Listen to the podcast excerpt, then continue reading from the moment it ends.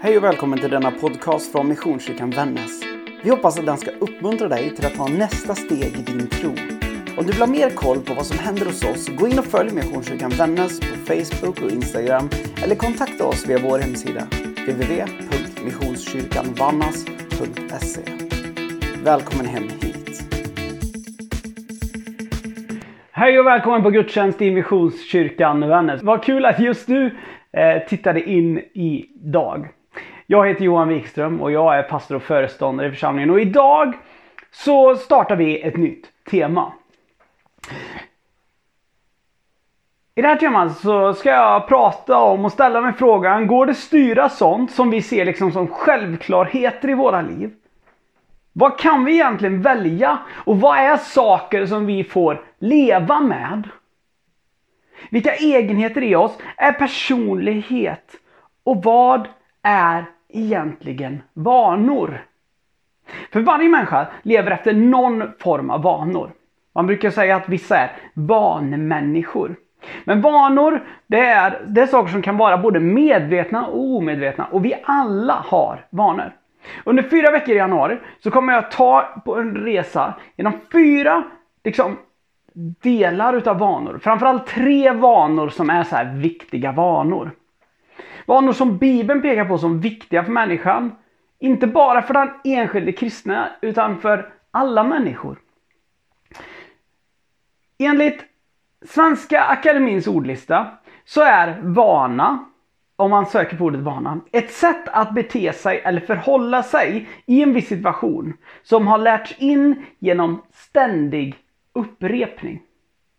Alltså, det är något som vi inte bara gör en gång, inte bara är någonting som sker, amen, någon gång ibland, utan det är någonting som görs stadigt.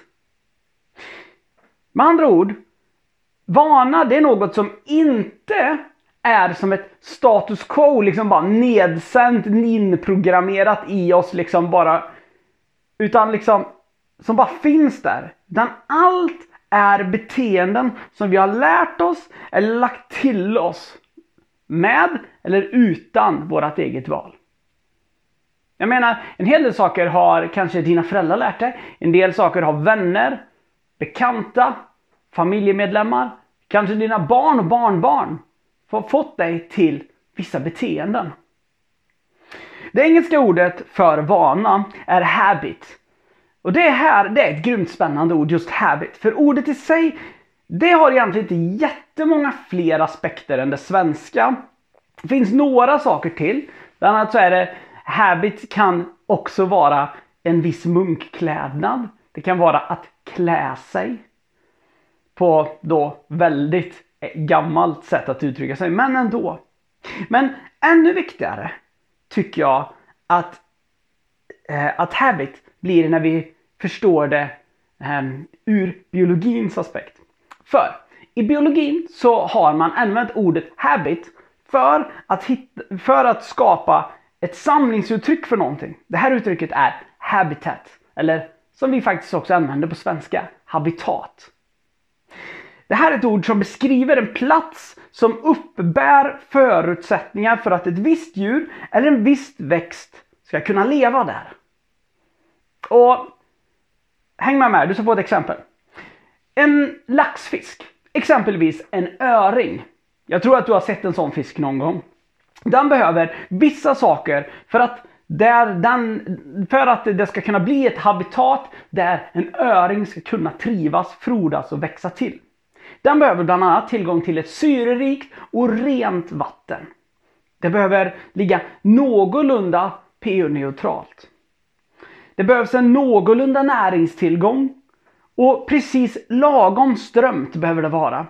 Och dessutom så behöver den en grusbotten som laxfisken, laxen eller öringen i sig kan göra ett hål i och sen fylla i rom i men sen också klara av att täcka över. Det behöver alltså en lös inte kompakt sand utan löst grus. Det här gör att många av de älvar och bäckar som vi har i närheten av oss här i Västerbotten är optimala levnadsmiljöer för öring. Det här gör att öringen har växt och levt och frodats här. Men det har funnits även problem här. För öringen hade en enormt kraftig bakgång under de åren som vi byggde ut massvis med vattenkraft och vi flottade mycket timmer. Det här är ingen debattinlägg i just den frågan, utan mer ett konstaterande att uppdämmandet och rensandet av älvar och bäckar för att gynna våra behov gjorde att vi skadade just öringens habitat. Vi gjorde det omöjligt för öringen för att när vi tog bort strömmar, eh, när vi tog bort rensade så det inte var några strömmar så rann inte vattnet på på det sättet. Andra växter, eller andra djur, fiskar då primärt, trivdes bättre. Fiskar som kunde konkurrera ut öringen och så vidare och så vidare. Och precis som öringen så behöver människan ett stabilt habitat. Även vi har en mängd behov. Om vi tittar på de just bas, grundläggande behoven. Vi som varelse, vi behöver syre. Vi behöver få i oss näring. Och vi behöver någon form av värme. Det här är saker som är totalt grundläggande för oss. Du kanske undrar, Johan, vart är du på väg? Jag trodde jag lämnade det här vid biologilektionerna. Ja men, hallå. Jag tror att det finns en grundtanke kring allt skapat. En grundordning som är skapad en gång i tiden för både öringen eller rallarrosen eller människan. Det finns en grundordning för att vårt habitat ska fungera.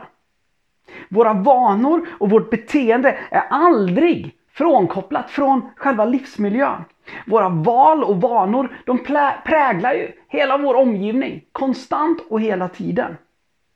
Och i slutändan så präglar det hela vår möjlighet att växa och frodas som människor. Det engelska ordet för vana, det ger oss verkligen en påminnelse om vanors intima relation till grundordningen, till skapelsen, till naturen. Till det som är mänskligt nära. Under de här kommande veckorna så kommer jag att tala om de här grunddragen. En hel del saker som jag kan se när jag läser Bibeln blir vanor som Bibeln just pekar på essentiella i ett stabilt mänskligt habitat. Det kommer inte vara så mycket prat om syre och rent vatten. Men det kommer vara frågor som är utöver de här sakerna som är viktiga för ett stabilt mänskligt habitat. För grejen är, tro det eller ej, vi har lite annorlunda behov än öringar. Vi har lite andra saker som behövs för att även vi ska växa och vi ska komma till vårat bästa jag. Idag så blir det lite kortare än de andra gångerna just för att jag har haft en introduktion här på just frågan om vanor. För idag så vill jag tala med dig om karaktär. För allt börjar i karaktär. Allt när vi ska tala om vanor, allt när vi ska tala om beteenden, livsmönster, så handlar det om karaktär. Och det finns, det här kan vi göra utifrån två aspekter egentligen. Det första är att vår karaktär, det definierar ju våran personlighet. Det är summan egentligen utav våran personlighet, våra vanor, våra beteenden, allt det där som du liksom ser hos dig själv och hos dina medmänniskor. Det summerar ju den personens karaktär. Ett annat ord man brukar använda här är ju att det summerar en människas livsstil. Hur vi väljer att leva våra liv. Det andra sättet vi kan tala om karaktär, det tror jag är ett sätt som är vanligare för oss. Det är utifrån eh, när vi önskar någon form av förändring i vårt liv. Och, och alltså att liksom förändring kring min karaktär och min livsstil. När jag vill göra förändringar, då krävs det mycket karaktär. Eller tålamod och självledarskap som jag också skulle använda som uttryck. Eh, och här, hörni, här har vi ju, lever vi just nu i en helt optimal tid för att tala om. Och ja, för ett par år sedan så läste jag på om det här med nyårslöften. Och det här är några år gamla, jag vet inte hur siffrorna ser ut idag. Men för ett par år sedan, då var det så här. Utav de nyårslöftena som togs på nyårsafton var 85% brutna till den, ja, gissa. Faktiskt till den 7 januari. På en vecka så hade alltså lejonparten utav, utav de här löftena brutits redan. Det krävs karaktär, tålamod och självledarskap för att välja att gå en ny väg, för att välja nya inriktningar, nya mål. Som kristen så är man kallad att odla Jesu karaktär i sitt liv. Det här brukar man beskriva som att, att jobba på en Jesuslikhet. Att, och en extremt snabb summering kan man säga så här att att bli en kristen så säger vi att när man döps, att man döps till Kristus. Man blir ett i Kristus. Man blir en del utav allt. Och så här säger Jesus själv i bergspredikan, en av hans kändaste predikningar som du hittar eh, i Matteus evangeliet bland annat. Jag säger er, älska era ovänner och be för dem som förföljer er. Då är ni er himmelske faders barn. Han låter sin sol gå upp över onda och goda och låter det regna över rättfärdiga och orättfärdiga. Ty om ni älskar dem som älskar er, vilken lön får ni för det? Gör inte publikaner det också? Och om ni hälsar endast på era bröder, vad gör ni för märkvärdigt med det? Gör inte hedningarna det också? Var alltså fullkomliga, så som er fader i himlen är fullkomlig. Aposteln Johannes han skriver på ett liknande sätt så sammanfattar han det så här. Att den som säger sig förbli i Jesus är skyldig att själv leva som Jesus levde. Det här är enormt stora ord. Att liksom på något vis leva så som Jesus levde. Det är inte någonting som är enkelt, det är inte det jag påstår. Men det här pekar på det livet som Jesus levde. Det är inte bara ett gudomligt allsmäktigt liv. Ibland så beskrivs Jesus som den perfekta människan. Den där som levde det allt igenom mänskliga livet. Samtidigt som han var 100% Gud. Det naturliga habitatet för människan det är att leva nära sin skapare. Det är att vandra nära Gud. För vi alla är skapade till Guds avbild. Och primärt för att vara tillsammans med Gud själv. Redan i skapelseberättelsen i Bibelns början så berättas det om varför människan kom till den här världen. Och det är för att Gud sa låt oss göra människor till vår avbild. Gud ville ha gemenskap. Under de kommande veckorna så kommer jag tala om ett par aspekter av att komma närmare det där ursprungliga habitatet. Den där ursprungliga levnadsmiljön. Inte som en fysisk plats. Utan snarare form av att forma sin karaktär. Till att bli mer likt den ursprungliga tanken med människan. Det habitatet handlar väldigt mycket för dig och mig idag om att forma våra vanor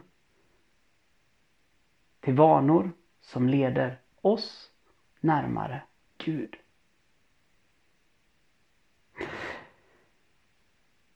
En väldigt nära släkting till eh, öringen som jag talade om i början, det är laxen. Faktum är att öringen är ju en del utav laxfamiljen. Eh, men laxen, den, precis som öringen så vandrar den. Men öringens vandring är liten i jämförelse med laxen. Och öringen kan dessutom välja och är på vissa ställen stationär. Med andra ord, den flyttar inte på sig så mycket. Laxen däremot är egentligen alltid en vandringsfisk. Den vandrar.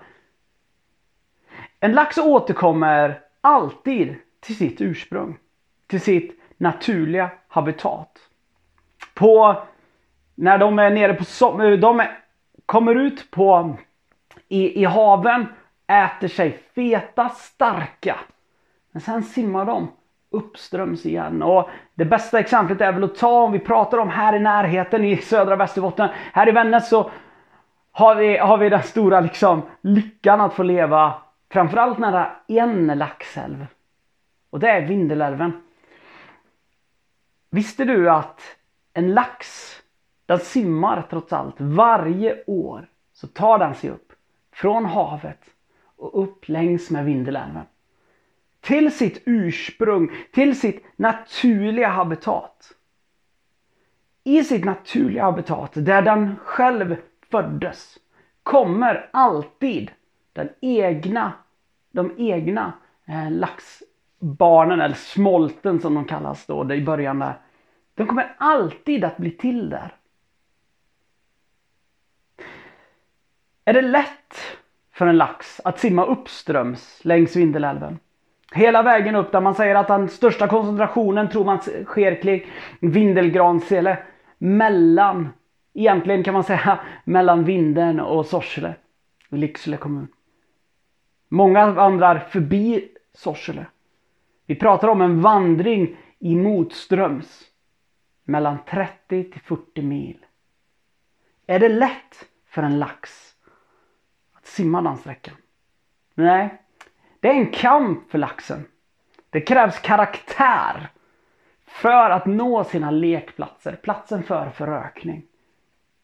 Efter leken så brukar man tala om laxen som utmärglad. Jag som fiskare, jag vet en sak och det är att man vill inte få en lax efter leken. De är så trötta, de är slitna. Men laxen gör det ändå. År efter år efter år.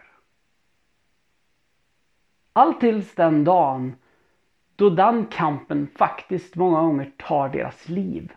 De orkade inte längre. Allt det här är i strävan att nå det som är det mest naturliga i deras värld. Att komma till den platsen där de själva skapades och blev till där de föddes. Hur hårt är du beredd att kämpa för att du ska nå ditt naturliga habitat? Vilken kamp behöver du ta för att du ska nå det mest naturliga i just dig? Vilka är de uppoffringarna som du behöver göra för att komma närmast det som är det djupast mänskliga. Det som jag talar om som en nära, ärlig relation till Gud själv. Häng med de kommande veckorna. Låt de här veckorna i januari få utmana dig.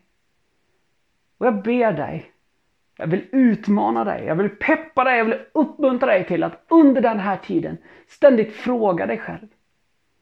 Vad behöver rensas bort i mitt liv för att mitt habitat ska bli rent igen?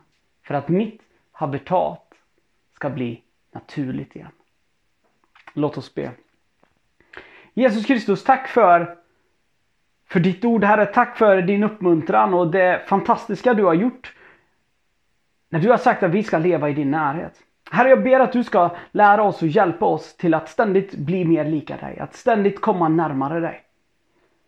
Herre, låt oss få ta även en fisk till uppmuntran. Herre, låt oss likt laxen aldrig ge upp. Låt oss ständigt kämpa för att nå närmare vårt naturliga habitat. Låt oss ständigt vara beredda att ta kampen med våra egna liksom demoner och, och kamper inombords. Det som är svagheter i vår karaktär för att nå närmare dig. Ber om det i ditt heliga namn Jesus. Amen. Ta så slutligen emot Herrens välsignelse. Herren välsigne dig och bevara dig. Herren låter sitt ansikte lysa över dig och vara dig nådig. Herren vänder sitt ansikte till dig och ger dig utav sin frid. I Faderns och Sonens och den helige Andes namn. Amen.